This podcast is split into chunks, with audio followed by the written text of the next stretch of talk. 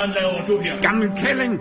Juleaftensdag 2015 forsvandt seniorkorrespondent Kirsten Birgit Schøtzgrads Hørsholm under mystiske omstændigheder fra sit hjem på Frederiksberg. Politiet er på bar bund.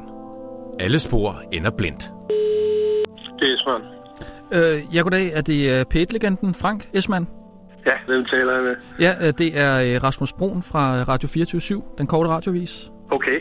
Jeg ringer, fordi min øh, kollega, seniorkorrespondent Kirsten Birgit Sjøtskrets Hørsholm, hun har jo været forsvundet her siden øh, juleaften. Okay. Og jeg ringer sådan lidt rundt til øh, hendes øh, forskellige kollegaer for at høre, om, om de ved noget om øh, hendes... Altså, forsvundet, hvordan... Øh, altså, væk simpelthen. Ja, altså, jeg var selv til stede, da hun blev øh, bortført øh, juleaften, juleaftensdag, under en julefrokost. Øh, det, var, det var meget voldsomt. Men jeg ringer bare lige øh, for at høre, om, om du måske har set øh, Kirsten Birgit. Ah, jeg sidst jeg så Kirsten Birgit, det var, øh, det var i november. November? Ja, det var inde på byens krog, inde i Møntergade. Mhm. Vi har en gang imellem øh, Morten Sabro og jeg og, og Kirsten Birgit, der, du ved, vi finder sammen over en kop øl og, og sidder og snakker sådan i stik. Og det kan jeg huske, øh, fordi det var, det var en lidt øh, særpræget møde. Ja. Og i det her tilfælde, øh, der kom vi til at diskutere gonzo journalistik Gonzo, ja. ja. Ja, du ved, den der, hvor, hvor, hvor, hvor personen, den, den journalistens ego og personlighed spiller en meget, meget større rolle end normalt. Ikke? Mm, Og Morten, han er jo en af eksponenterne for gonzo journalistik ja.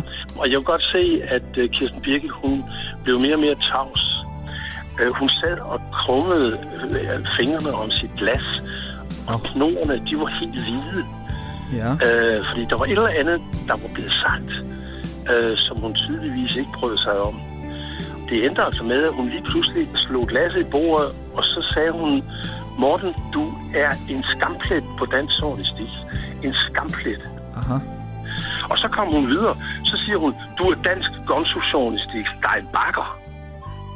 Stein Bakker lige frem. Ja, og øh, så så hun meget åben på mig, og så tog hun simpelthen øh, den chat øl, der var i hendes, hendes glas, og så smed hun det lige i synet på. mig. Og, og det er det sidste, du ser til hende? Ja, det kan jeg godt love dig, fordi jeg blev selvfølgelig skidesur, så jeg skrev ud af døren. Så det sidste, jeg så, det var Morten og Kirsten Birke, de sad og så på et andet, ligesom sådan et par øh, japanske sumobrydere. Og, og hvornår var det her, siger du? Jeg mener, at det var i slutningen af november. I slutningen, okay. Men tror du, at Morten Sabro kunne have noget med Kirsten Birgits forsvinding at gøre?